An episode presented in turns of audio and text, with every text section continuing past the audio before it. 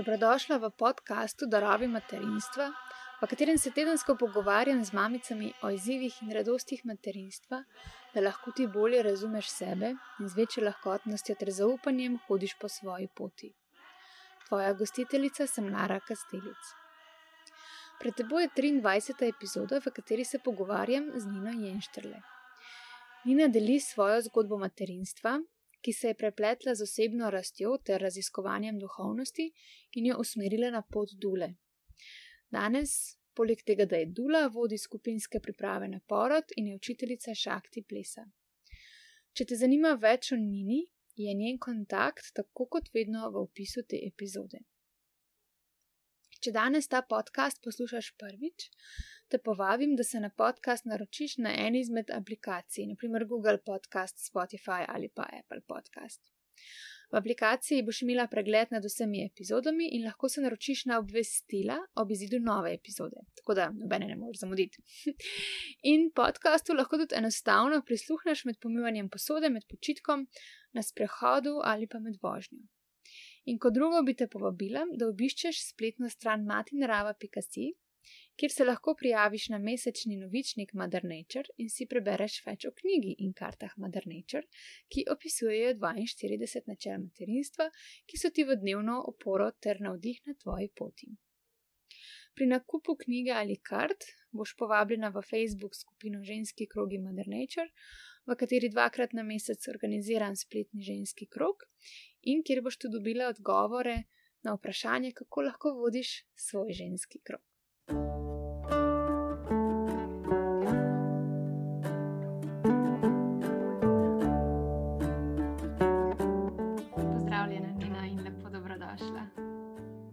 Dobrodošla.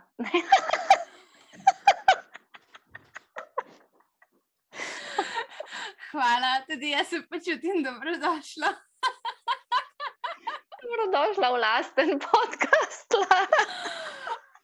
ja, glej, mogoče pa pač uh, je to inicijacija, ker um, v tej najni pripravi na ta podcast smo se pogovarjali o tem, da je pa mogoče čas, da jaz uh, pokažem tudi tisti del mene, ki se dotika duhovnosti, pa ga do zdaj nisem kazala javnosti. Tako da Nina, jaz tega zdaj ne bom brisala, ampak pač gremo naprej.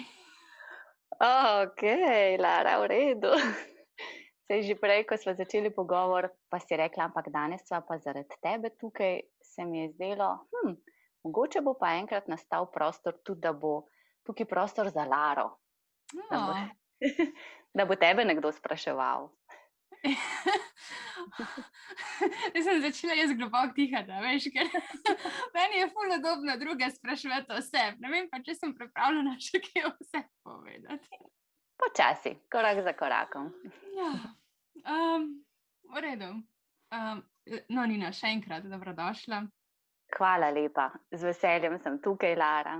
Um, se zelo veselim slišati tvojo zgodbo. Uh, tako kot sem ti že prej povedala, so razne ženske omenjale tvoje ime v zadnjih mesecih. In um, zdaj, ki te tako le sicer prek Zuma vidim, sem tako, aha, razumem, o čem so govorile.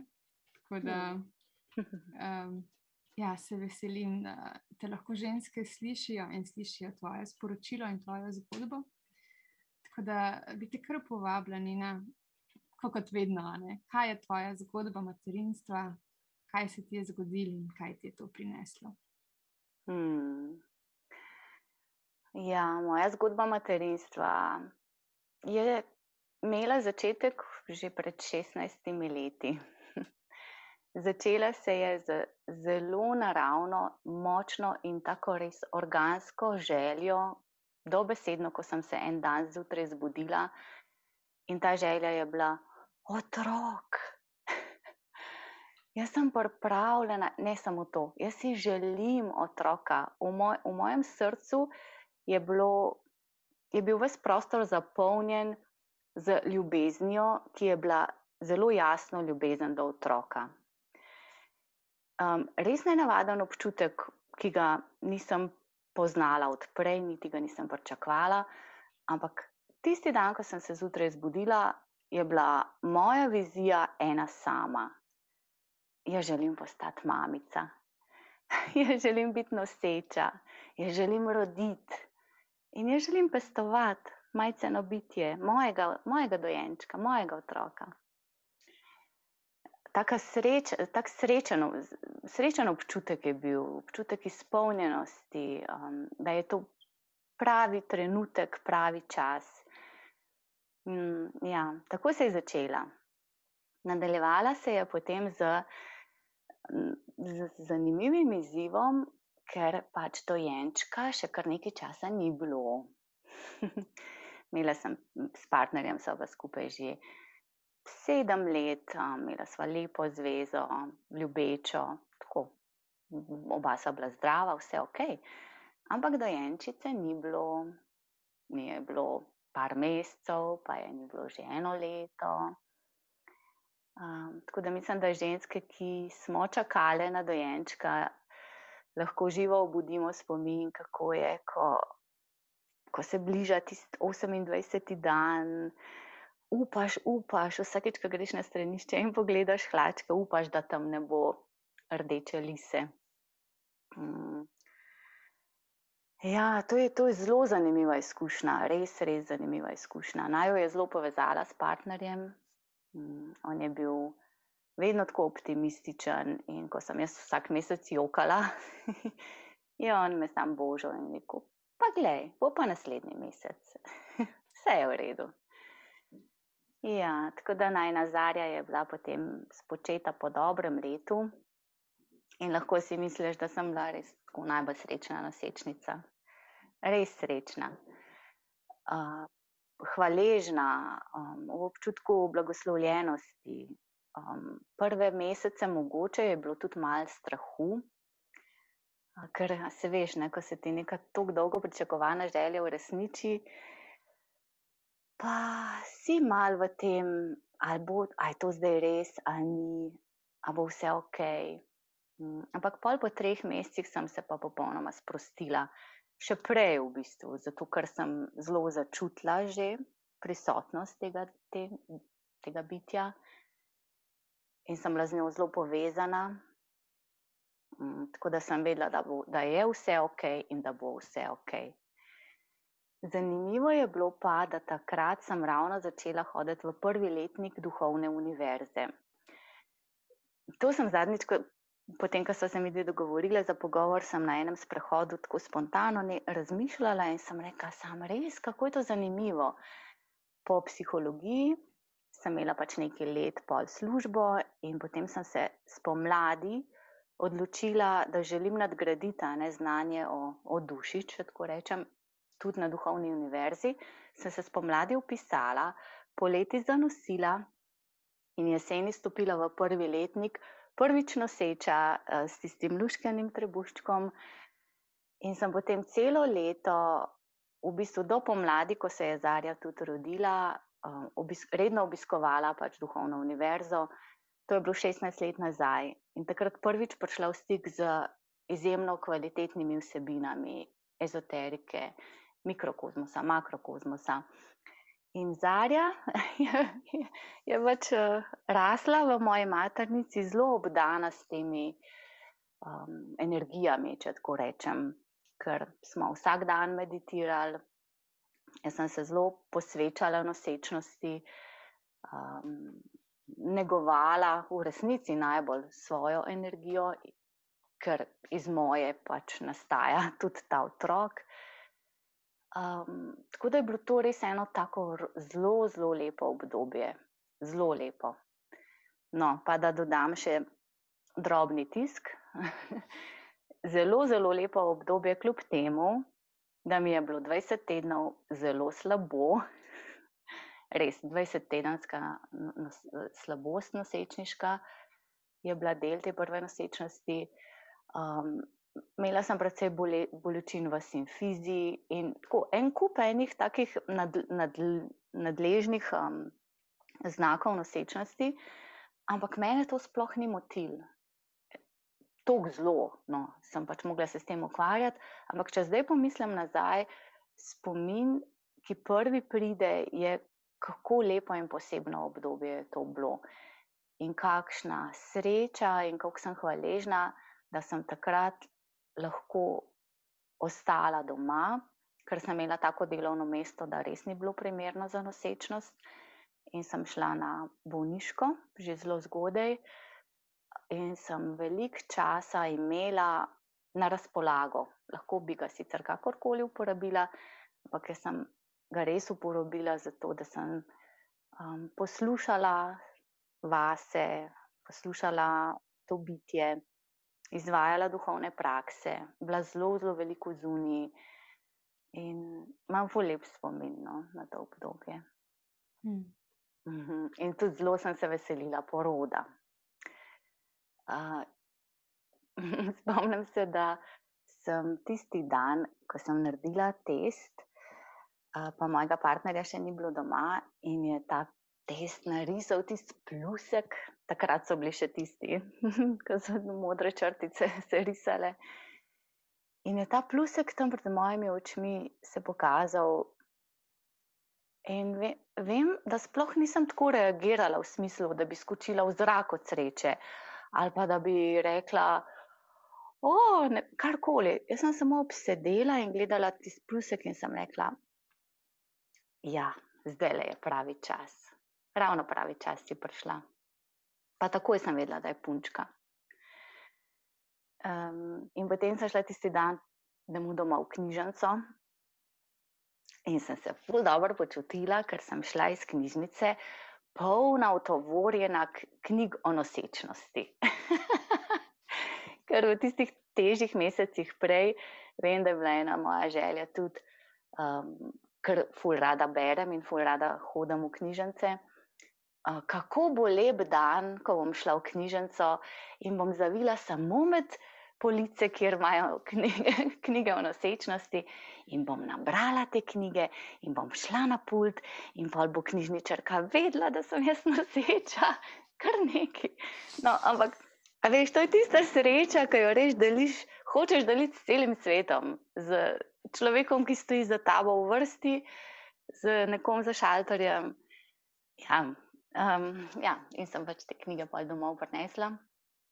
Potem je pa moj partner prišel uh, in mu sploh ni, nisem takoj povedala, ne? nisem tako skočila v njega.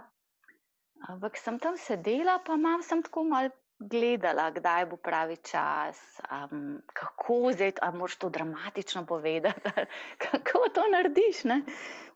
Um, in potem je on zelo hiter, enkrat me pogleda sedela sem na kavču, pa knjige sem skrila, ja, kaj je en otrok, veš, sem jih skrila, da ne bo slučajno na podlagi tega ugotovil. In me on sam pogleda, pa ne vem, če je bil pol ure doma. In reče, kaj je, a si noseča? in sem rekel, ja. res, res sem bila vesela, ful. Mm, tako da v obdobju nosečnosti je bil je bilo obdobje hm, tako ponotranjene pozornosti in zares zavedanja, da to ni samo po sebi umevno. Da mi je dano nositi otroka zdravega hm, v tem času in v tem okolju, kjer se ne rabim bat stvari, um, kjer je poskrbljeno za mene. Tako, res sem bila hvaležna. Ja, seveda, tukaj se že začne ne, pot materinstva. Prej smo se pogovarjali in jaz osebno menim in to res verjamem, da se materinstvo začne najkasneje, ko, takrat, ko izvemo, da smo noseče. Zelo verjetno pa tudi že prej. Ko bodi si se odločimo za otroka in se odpremo za njega, lahko že tudi v bistvu v energiji čutimo bližino te duše. To mi včasih mamice povejo, mm, da so čutile, ne, še prej so fizično zanosile, so čutile dušo tega otroka blizu, ker mm. dejansko to res tudi je. Ne, tako. Takrat se začne materinstvo. Hmm. Ampak tebe zanima moja zgodba, ne? Se bomo tudi do tega še prišli nazaj. ja, se zdaj pride pa ta ključen trenutek, ne porod. porod. Mm. Dajmo še enkrat se spomniti, da, da sem se jaz poroda izjemno veselila. Izjemno. Brala sem vse, kar mi je prišlo pod roke. Ne, neutolažljiva sem bila v tem, povejte mi vse, povejte mi vse, mene vse zanima. Um, ampak, če zdaj gledam nazaj, do katerih informacij sem bila takrat zmožna priti v primerjavi s tem, kar je na voljo zdaj, je to mogoče 3%. Tako da m, moje veselje in moja pripravljenost je predvsem izhajala iz te moje čist osebne prakse, ki sem jo, kot sem rekla, Ane, delala um, in, in se počutila res močno, nekako povezano in s telesom, in z otrokom. Um, Skozi me je napolnjevala ta radost, ne morem drugače reči, ampak res prav ta radost in, in uh, veselo pričakovanje prav te izkušnje, mm. kako se čutijo popadki, kako je to, ko se to stopnjuje, kako pa to čutiš, ko se otrok začne rojevati. In, in ta fascinacija nad, nad dejstvom, ne, da tako močna življenjska, kreativna, spolna energija gre zdaj le skoncentrirano, z jasnim namenom, skozi moje telo, zato da potem na drugo stran ne, tega bivanja in v moje naročje pride sveže bitje. Mene je to res navduševalo in še zdaj me, če imam še zdaj mravljince, le kaj ti to razlagam. ja, tako da sem se neizmerno veselila. No, potem pa je prišel ta april, bila sem že nekaj dni. Ne, ja. Zelo smo bili tam, tam okrog PDP-ja, tako da nisem imela nobenih posebnih pritiskov okrog tega. Hmm. In so se potem po noči začeli popadki. Uh, predihavala sem jih sama, uh, ful mi je bilo dobro, da je bila noč, da je bila tišina. Uh, in spet, ne, ne, zdaj pogledam, kaj sem jaz počela takrat. Ne, da bi karkoli takega konkretnega v porodu vedela. Sem delala vse isto, kot zdaj učim, hmm. druge nosečnice. In vse tisto, kar sem kasneje pol brala v knjigah, ki so mi prišle pa na pot, ali pa kar sem poslušala na seminarjih, delavnicah, konferencah, kaj se počne med porodom, sem jaz spontano to delala. Ampak res čisto vse, take prave stvari bom rekla. Um, Zakaj pa to poudarjam? Zato, da mogoče postiva še sporočilo, da ženske, ko pridemo v stik s svojim nagonskim delom in, in smo v tem sproščene, oziroma mu, mu zaupamo, ker smo tako povezane s seboj, vemo, kaj delati. Hmm. Res hmm. vemo, res znamo roditi, naše telo zna roditi. Ne znamo roditi zato, ker modrost telesa pre, prekrije, oziroma nad modrostjo telesa prevlada intelekt. Um. Um ima pa najrajši strah. In to pa ne gre več skupaj s porodom. Nagonsko predihavanje popadkov v tišini, v noči, v telesu, polnem radosti in veselja nad porodom, takrat vemo, kdaj moč klečati, kdaj moč hoditi, kdaj moč na stranišče, kdaj moč jesti, kdaj moč piti in kako dihati. Dobro, kako dihati um, je bilo meni v pomoč tudi to, da sem že takrat ne, um, redno prakticirala jogo in pranajame, tako da pač neko konkretno znanje tudi pride prav. Ampak ja, zelo lepo je bilo te, te ure, nočne, pa potem jutranje, dopoldanske, ko pa se je meni že zdelo, o, zdaj bi bil mogoče čas, da greva. Sam imela 50 km do porodnišnice. Mm, tam na sprejemu se je pa začela popolnoma druga zgodba. Jaz sem prišla odprta 8 cm, kar je za prvo rodko, ne vemo, res že tako velik uh, del poroda je minil. Uh, torej, 8-9 cm ravno v fazi tranzicije, ki je v resnici najzahtevnejši del poroda, ne? tako telesno, kot tudi psihološko.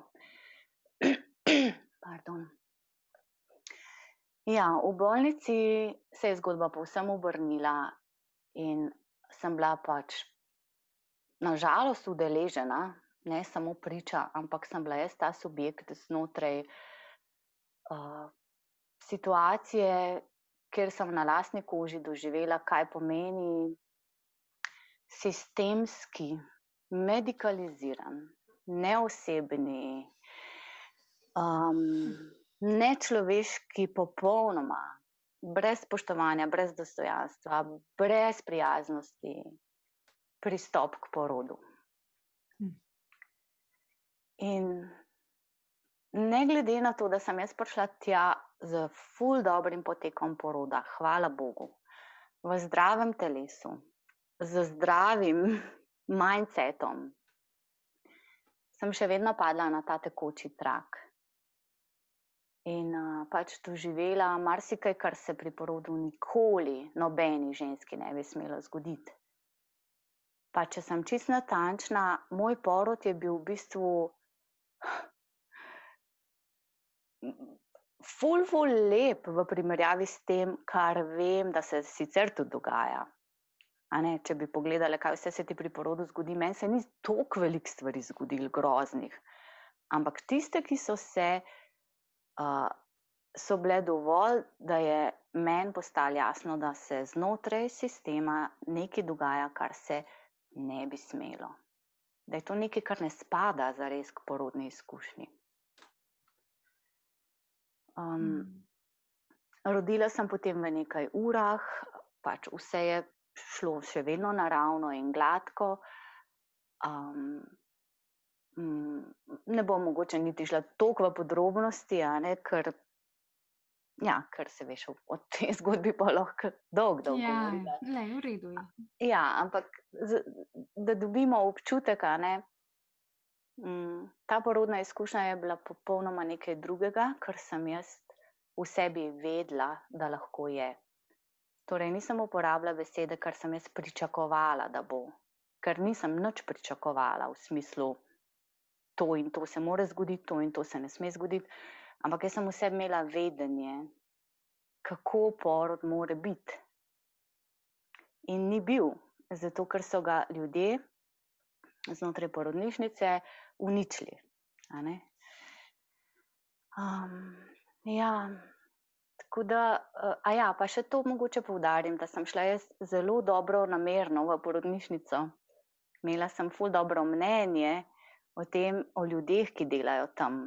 Imela sem predstavo, da so babice najčudovitejše ženske tega sveta, ki obožujejo svoj poklic, ki imajo rade ženske, ki pridejo roditi, ki imajo rade porode. Hmm. Enostavno sem jih vse videla uh, kot posebljena prijaznost, sočutje, modrost. Hmm. In s, s, v bistvu s tem mišljenjem sem jaz odšla tja. Pa ni bilo tako. In to poudarjam zato, če kakšna nosečnica posluša ali pa ko ko vodim program in učim pare, mi včasih rečejo, mm, ne, se moraš pač pričakovati, da bo vse v redu in moraš dobro misliti in um, imeti dobro mnenje in potem se bo to uresničilo. Um, vse vemo, ja, seveda energija sledi mislim in lahko kreiramo svojo realnost vse to vse vemo. Ampak jaz žal ne morem prikimati, ko mi kakšna nosečka tako reče ki mi reče, jaz sem ful optimistična, nič se ne bojim, točno vem, da bo ful dobra babica tam, verjamem, da so v porodnišnicah fajn ljudi.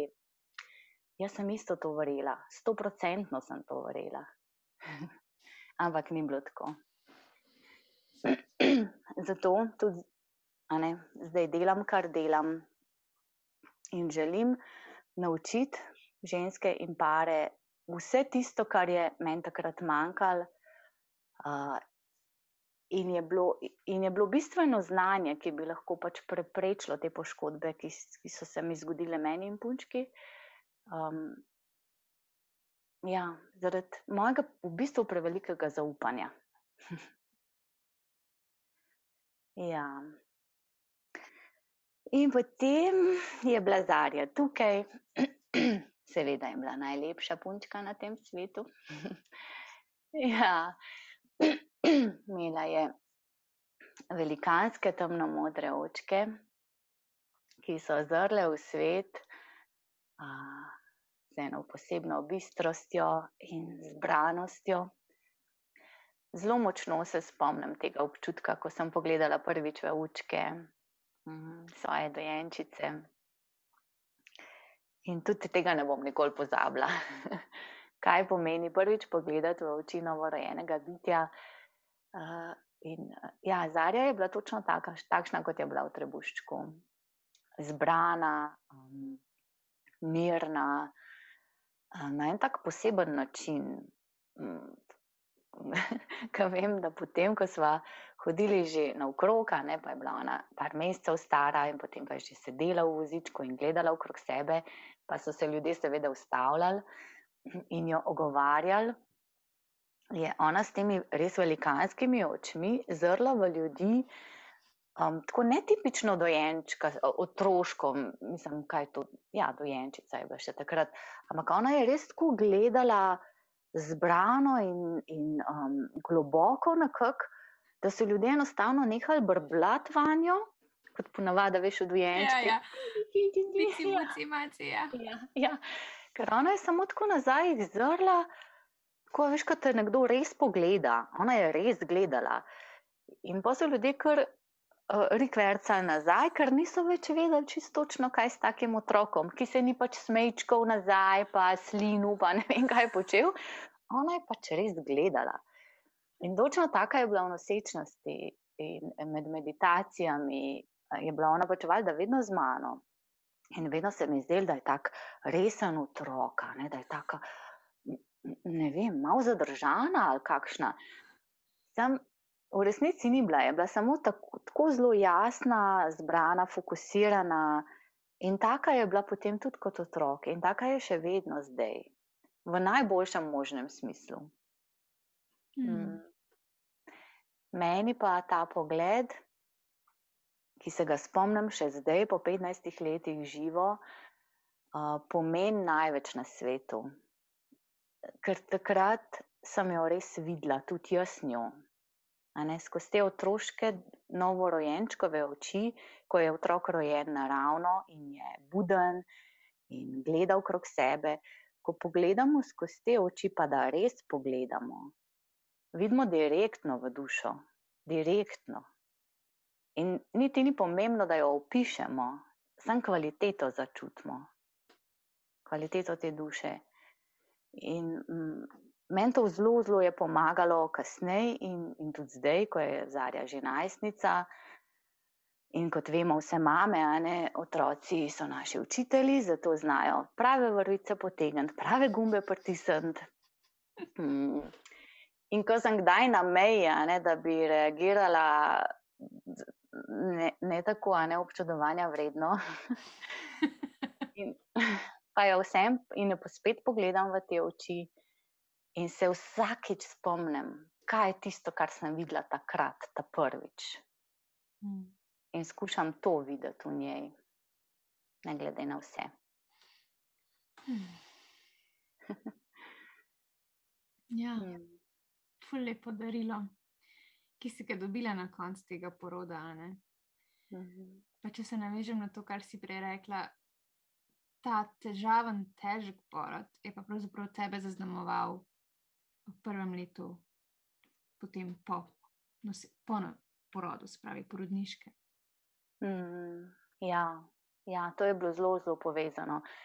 Mislim, da je tako, se mamice vemo, in zdaj se, hvala Bogu, o tem veliko govori da um, prvo leto materinstva je res uh, polno preizkušen in izpra izpraševanja in učenja z eno besedo, ni lahko. Težko je, lahko je tudi res zelo, zelo težko.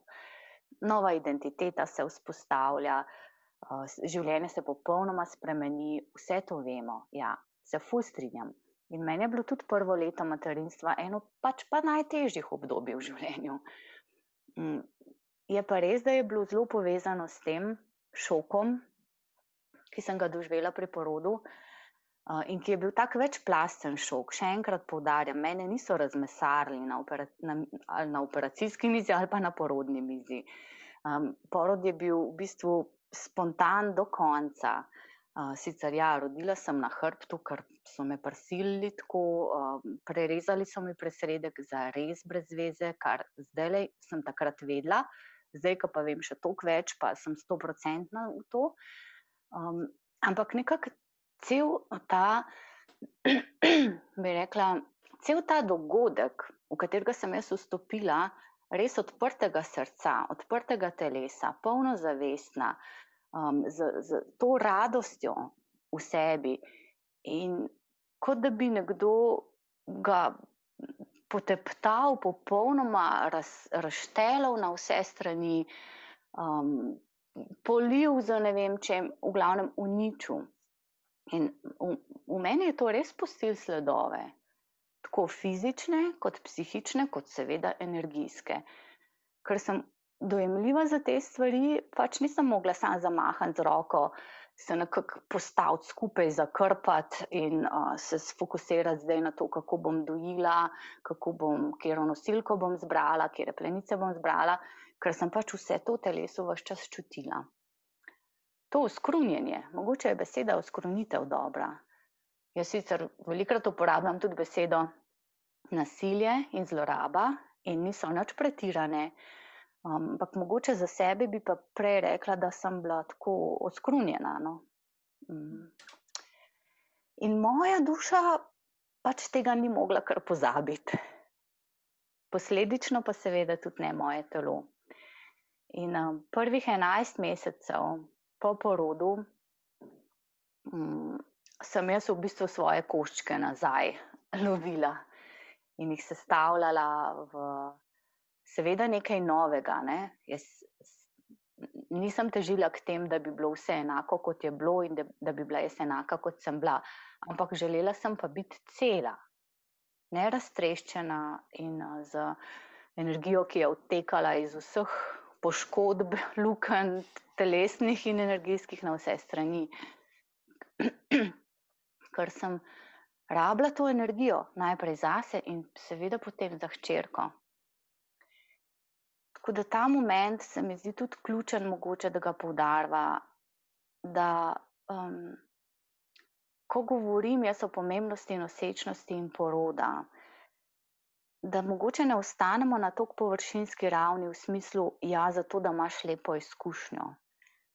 Ampak da greva malo dlje in poudarva, da je taka izkušnja poroda pomembna, zato ker mama po porodu mora biti cela, močna, prisotna, zdrava, prizemljena, če želi prizemljiti novo bitje.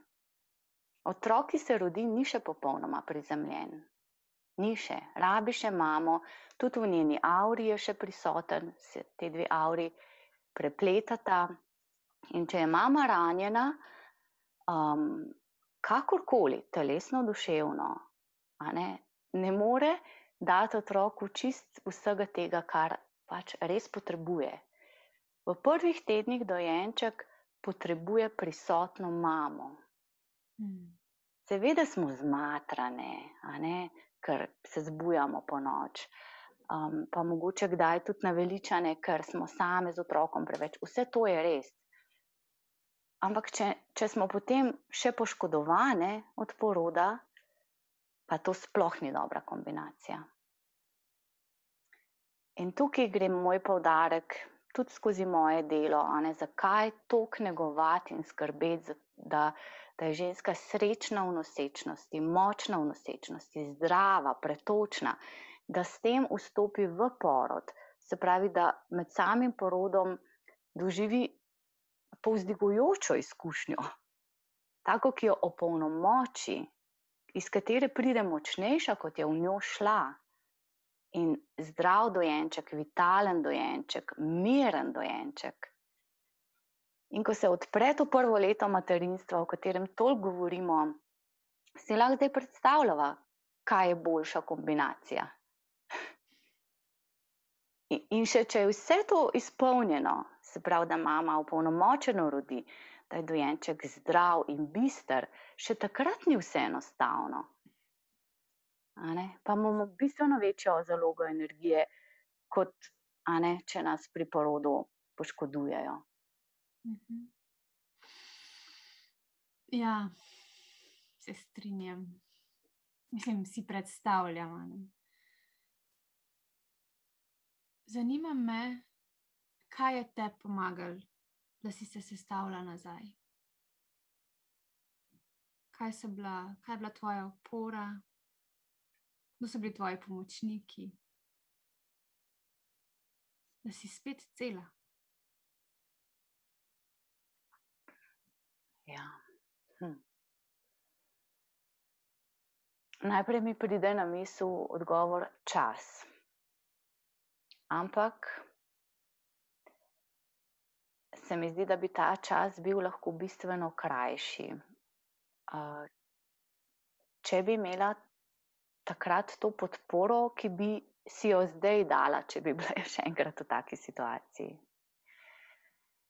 Um, Jaz sem imela predvsem samo sebe takrat, ker sem na tak način živela, da nisem imela veliko družbe, drugih mamic. 16 let nazaj še ni bilo Facebook skupin in tega virtualnega, vsaj povezovanja in občutka, da nekam pripadaš, da lahko vprašaš, da lahko dobiš na svet. Sem bila zelo prepuščena sama sebi. In um, iz tega izhajam izhaja pač moja glavna misel, da je res pomembno za mamico po porodu, da ima en krog drugih žensk. Oh, ja. En, en, en krog drugih žensk, um, ki so nekako usklajene in sinhrone z njo, s takšno, kot je zdaj po porodu ne s tako, kot je bila prej, ko so skupaj žurale, če tako rečem. Kofetkale. Kofetkale, ja, imele svoje ženske večere. In, ampak kakšna je zdaj, kot novorojena mama, um, ki je dotaknjena, ki je spremenjena, ki je občutljiva. Ki ima več, ve, večji del možganov uh, okupiran za njego dojenčka. Da so takrat okrog nje ženske, ki jo lahko podprejo v tej spremembi identitete in seveda, ki ji lahko s praktičnimi stvarmi pomagajo. To sem še, šele kasneje dojela, kako sem to pogrešala. Tudi zaradi tega, ker mogoče nisem človek, ki bi bila nasplošno tako naravnana v blazno, družabno, um, družaben način preživljanja časa, sem res rada sama in mi to zelo prija. Mm, nimam potrebe, da bi skozi bila v krogu nekih ljudi in da bi se skozi klicala, pogovarjala, sploh ne. Ampak v prvem letu materinstva mi ta lastnost ni prav dobro služila, ker je enostavno toliko eh, stvari, ki so boljše in lažje grejo Mm, skozi to transformacijo, če imaš ob sebi druge ženske. Ja, ki so v istih vprašanjih, v istih dilemah, v istih procesih. Ja, ja. Kaj že sem to, da slišiš, da ima ona isti problem, ki ti ti ful pomaga. ja, pa da se pa skupaj najde neka rešitev. Ne? Ja. To, to tako. Um, ja, tako da teh 11 mesecev Meni je pač pomagalo biti zelo veliko zunaj z dojenčico. Um, spomnim se tudi zelo dragocenih večernih ur, ko je bilo tudi poletje, je bilo takrat, ko je partner prišel domov iz službe, pa Zarja je šla spat zvečer in sem vedela, da bo imela tisti mal daljši um, spanec. In so se usedla pred hišo, poletje je bilo na stolčke in večer se je naredil toplo je bilo. In vem, da sem takrat za trenutke ujela spet tisti občutek, ok, stvari so na svojem mestu, v redu je, v redu je in v redu bo. Kratki, kratki trenutki so bili. Ampak so bili, se jih spomnim. Ja, zelo mi je pomagala tudi meditacija, ker še, tudi takoj po rojstvu sem me še vedno dnevno na, na, posvečala čas meditaciji. To me je zelo sidralo, zelo me je osrediščalo in pač počasi vleklo skupaj te koščke. Um, je pa predolgo trajalo. Evo, zdaj, če bi tako pogledala, um, bi absolutno priporočala mamicam, poiščite, res poiščite si podporo in pomoč, vsakršno, vsakršno, ki jo, mhm. za katero začutite, da bi jo rabile. Ja. To je veščina, ne prositi za pomoč. Ja. Ja. Mm. Tako mi je um, lepo te poslušati, Nina. Um, v smislu tudi tega prepletanja, tvoje osebne zgodbe in tega, kar danes počneš, tega, kar danes ženskam predajaš. Um, tako kot sem že večkrat povedala, ali ne vem, mogoče, tukaj, mogoče ne direkt na podkastu, no, ampak uh, vidim, da sem zadnje čase gostila ženske, ne, ki pač delijo svoje zgodbe materinstva, ampak delijo tudi transformacijo, ki se je zgodila potem na njihovi poslovni poti zaradi tega in jih je pravzaprav zelo jasno usmerila v to delo pomoči ženskam, pomoči mamicam mm. iz lastne izkušnje. Mm -hmm. Mm -hmm.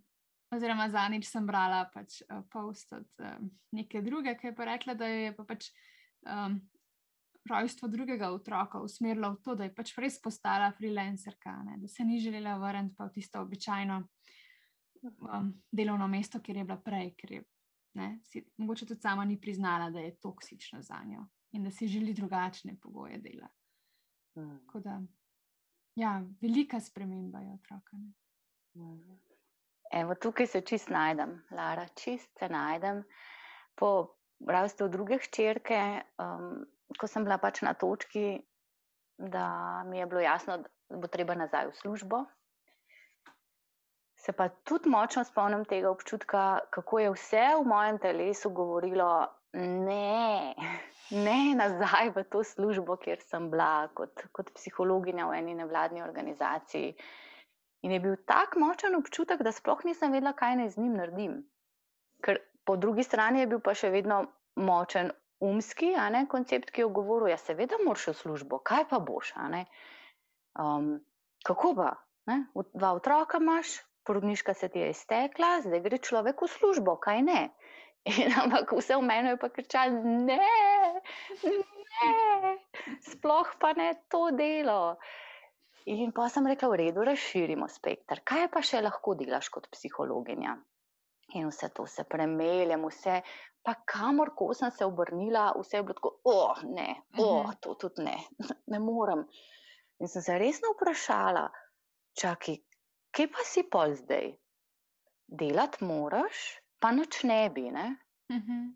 okay, kaj je rešitev iz te situacije?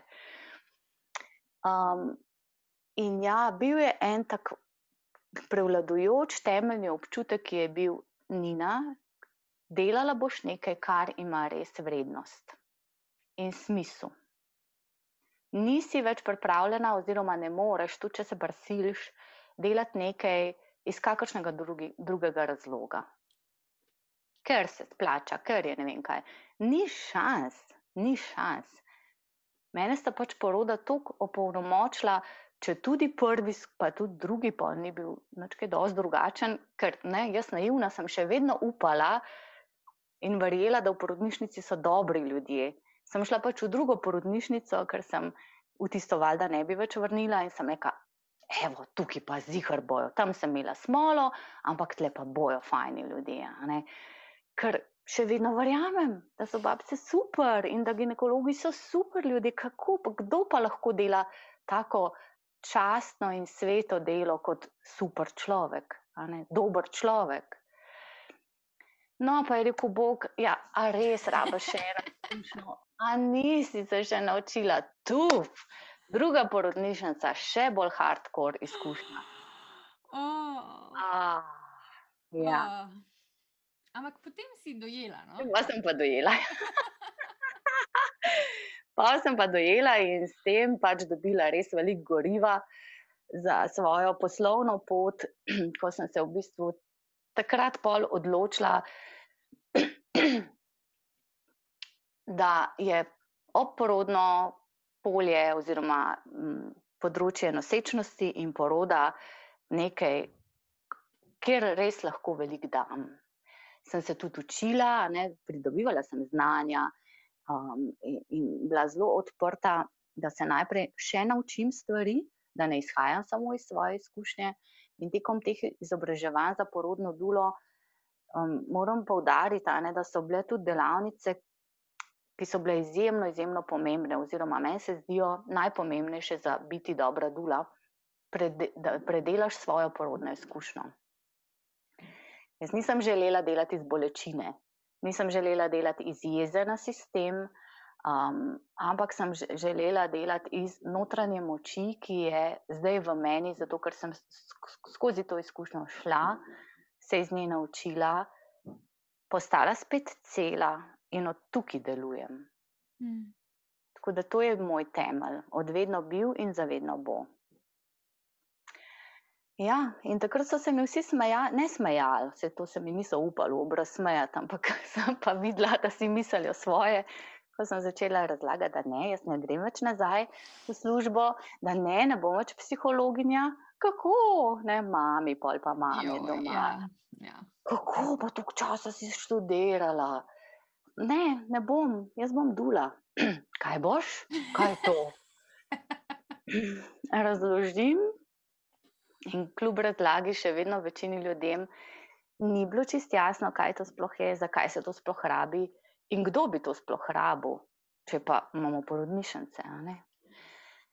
Tako da to je bila pa spet pa zdaj 11 let dolga pot od um, tega čudaškega predloga, da ne bom več psihologinja, ampak bom porodna dula, da bom tudi učila, da bom naredila program priprave na porod in da štartam iz nule na terenu v Sloveniji, ki, kjer ni bilo že še prav veliko hojenih korakov.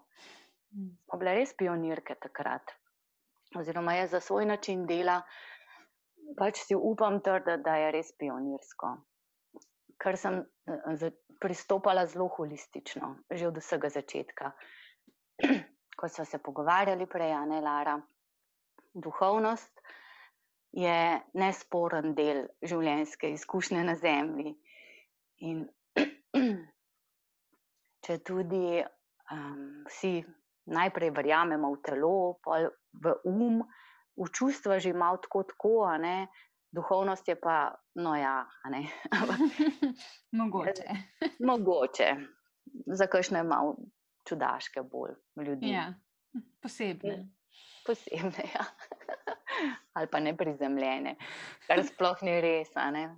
Duhovnost je izjemno prizemljena veščina. Ja, ja, tako da sem že takrat začela z vsemi temi štirimi sferami, ki sem jih združevala v svoje delo kot Dula in v svoj program priprave na čudovit porod. Um, in ja, od tam takrat pa do danes, wow, je kar, kar pot, taka fajna pot, izjemna pot v resnici. Hmm. Ja, jaz ko te gledamo, ne, pač druge te ne morejo videti. Ta tvoj obraz pove veliko stvari. Tako da se že malo začeli, ali kaj neki žarijo, veš na sliki, kaj to zdaj, neki šajna. Čist nobenega make-upa nimam, gledaj, samo ja. hančke sem si dala, ampak drugače pa nič. To je ta sija, veš, ki pride iz nekje druge. Ker nima veze z make-upom. Ampak ja, ja jaz, jaz te pač razumem, ne, zato ker jaz pač nikoli nisem bila redno zaposlena. Jaz sem pač v eni točki, ki sem videla, da delati z nekje in imeti nekega šefa, to pa res za me ni. Sem pač odprla SP, se vrgla na glavo in ni to nekaj, kar bi drugim priporočala, ampak meni je nekaj kraten. veš, že sem tisti primer, ki šest let fura, še spet pa, pa rečeš, no, zdaj bom pa začela razmišljati o poslovnem načrtu. Včasih se tudi na ta način izide.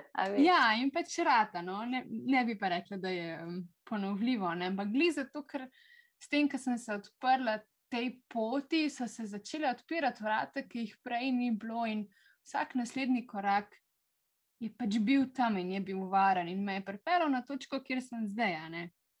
In tudi, če me kdo vpraša, kaj, kaj si pa ti želiš, pa sem tako pogledal, pa si rečem. A si ti zmešan? Jaz nimam pojma, kako sem sem prišla, kako ne vem, kam šele grem. ja, ja. To je delovanje tudi iz pretoka, ne, o čemer se tudi veliko govori. Ko um, iz pretoka sprejmeš odločitev za naslednji korak, in po tem naslednjem koraku, spet iz enega notranjega vedenja, narediš naslednji korak in tretjega.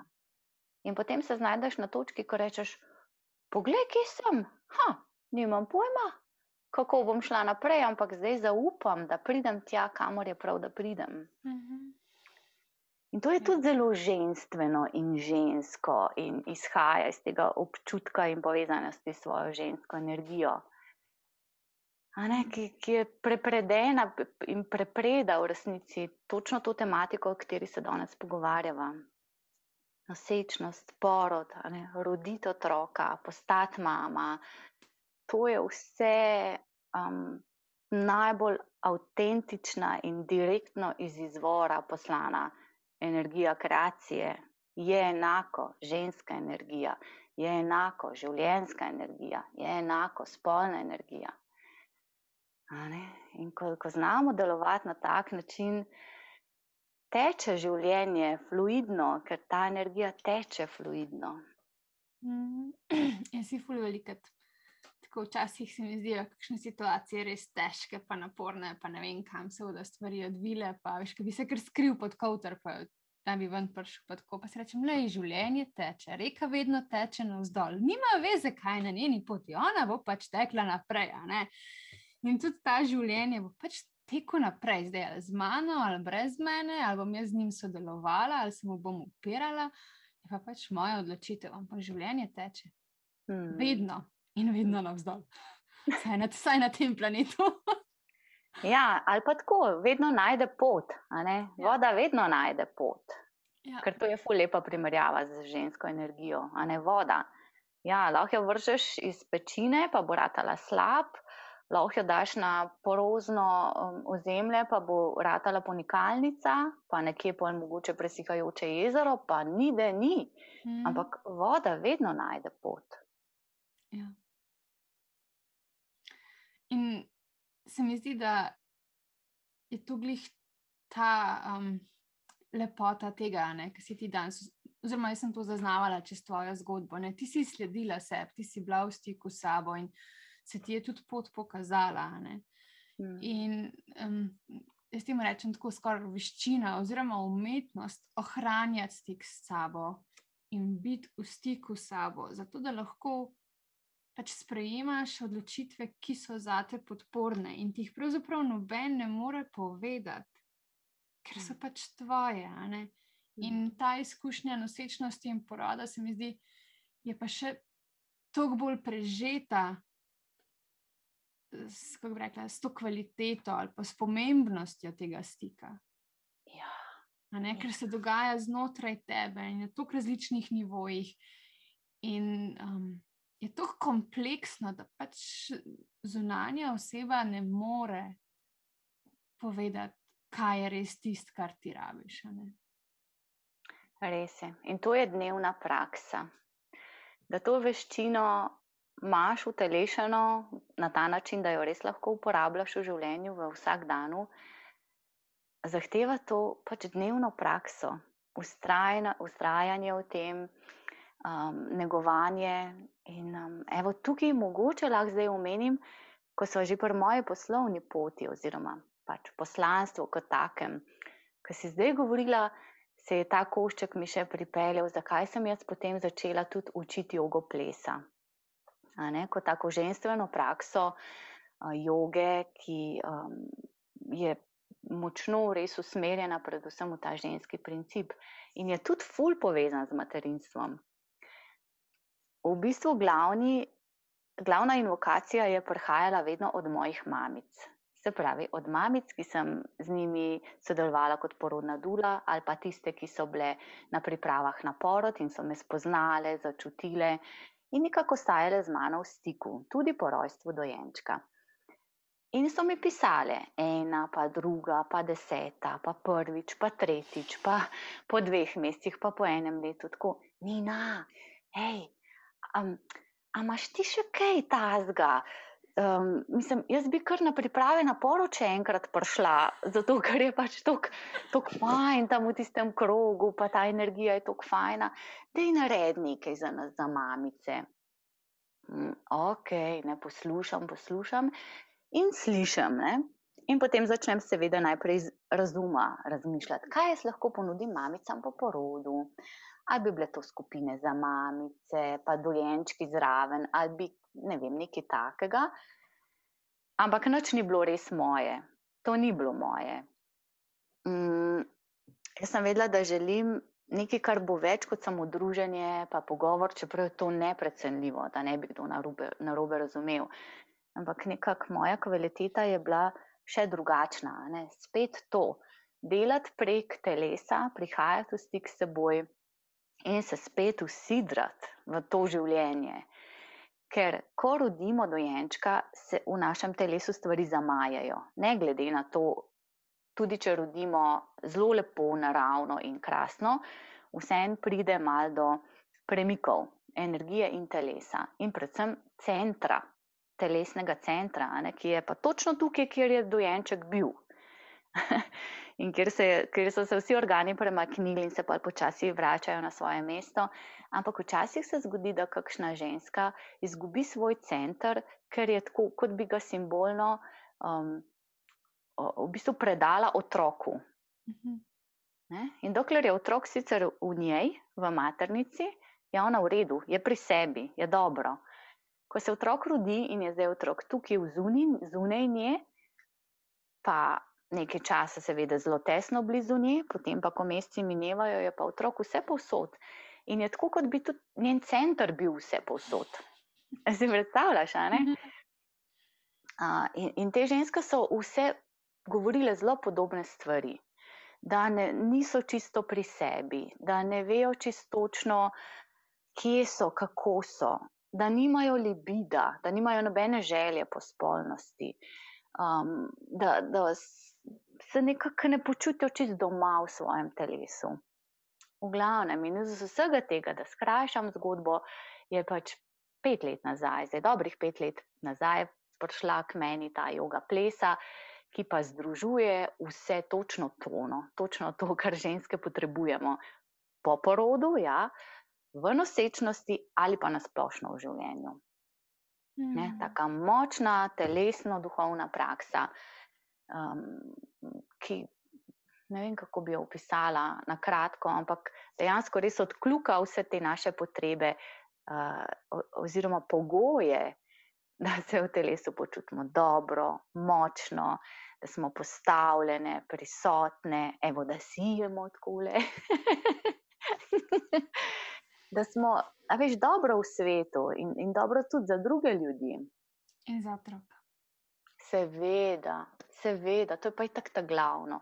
Pa smo, ali smo noseče, ali smo mamice šestmesečnemu otročku. Ali pa petnajstletniku, ne? Oho. Sam res, ja. Kako je bila zančlušna situacija, ko je imela Zarja na obisku svoje dve sošolki. Torej, tri petnajstletnice v naši hiši.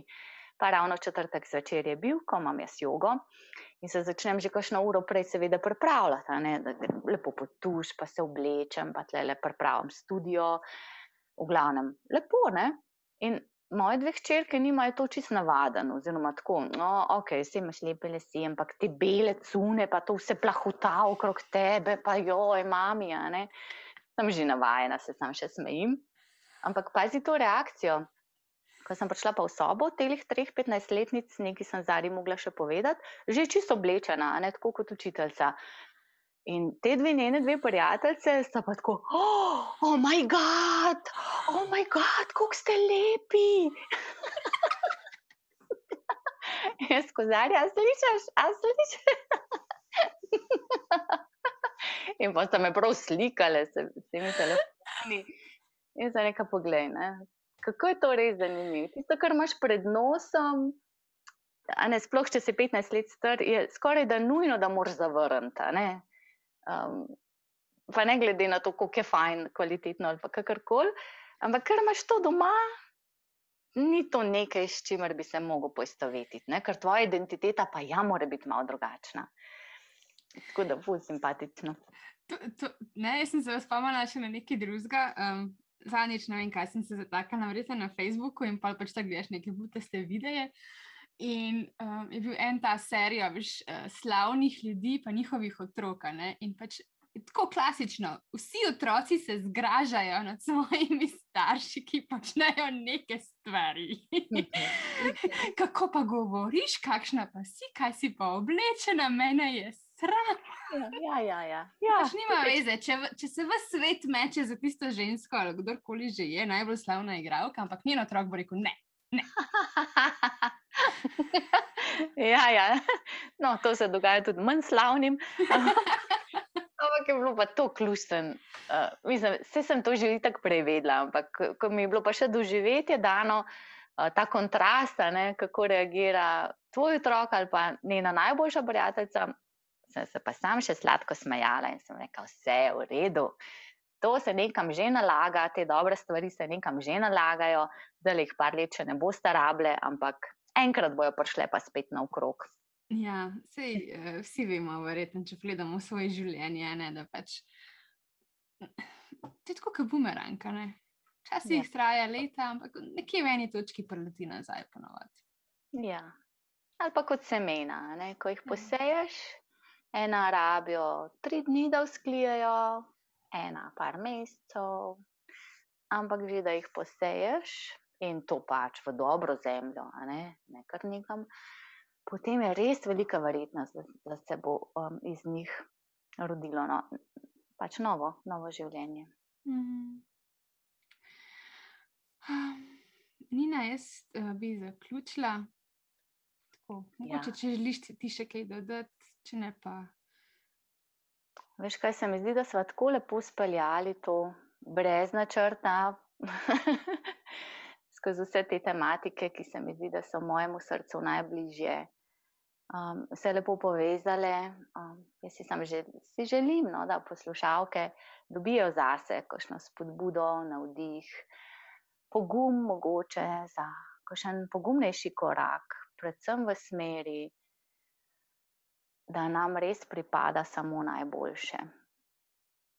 Ko sem noseča, ko grem roditi, ko sem mamica, ne rabim zmanjševati svojih želja in pristajati, mogoče na nam kar znano vlogo, um, ah, se malo potrpiš, pa se si malo žrtev. Ni več obdobje za to. Hvala, Nina. Prosim, z velikim veseljem, Lara. Hmm. Prej sem ti rekla, ne, da sem zadnje čase slišala tudi za to šakti jogo, pa sem rekla, ah, ne, ni še čas. Zdaj sem pa tako, hm, no ja, mogoče. tako da, uh, kdo ve, kje se naše poti znova srečajo? Pridi, pridi. Sej, saj, saj probata, veš, mislim, ampak to, to moraš začutiti. Oziroma, če, če se ti tako pojavlja, da pol preveriš, a ne odkje ta ne prihaja kar mhm. lahko je čist legalen in je super, in rečeš, ne, ni čas, ali ima druge stvari. Včasih uh, je pa prav to, ko rečeš, ma doj grem probat, kaj pa je. ja. to, ampak to se mi zdi, da je ta lepota življenja. Če, če si v flowu, ne, če si v tem toku, se ti potem res stvari zgodijo v pravem času. Da, hmm. um, zaključim s to mislijo. Naj se nam sem zgodijo prave stvari ob pravem času. Hvala ti. Ciao. Ciao.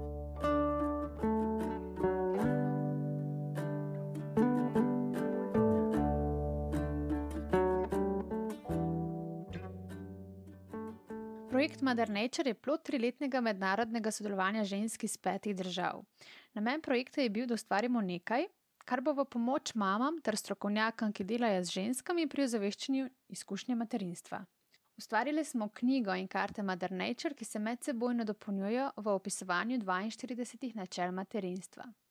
Ta načela niso neke znanstvene resnice, ampak spoznanja žensk, ki so bila del projekta in vključujejo vse tisto, kar so one pogrešale ali pa jim je bilo pomembno v njihovi materinski izkušnji. V knjigo je vključeno poglavje o vodenju ženskih krogov s pomočjo kart Mother Nature. In če kupiš knjigo ali karte, boš povabljena v Facebook skupino, kjer ti bom odgovorila na tvoje vprašanja, kako lahko sama vodiš svoj ženski krog, in boš bila tudi povabljena, da sodeluješ na spletnih ženskih krogih.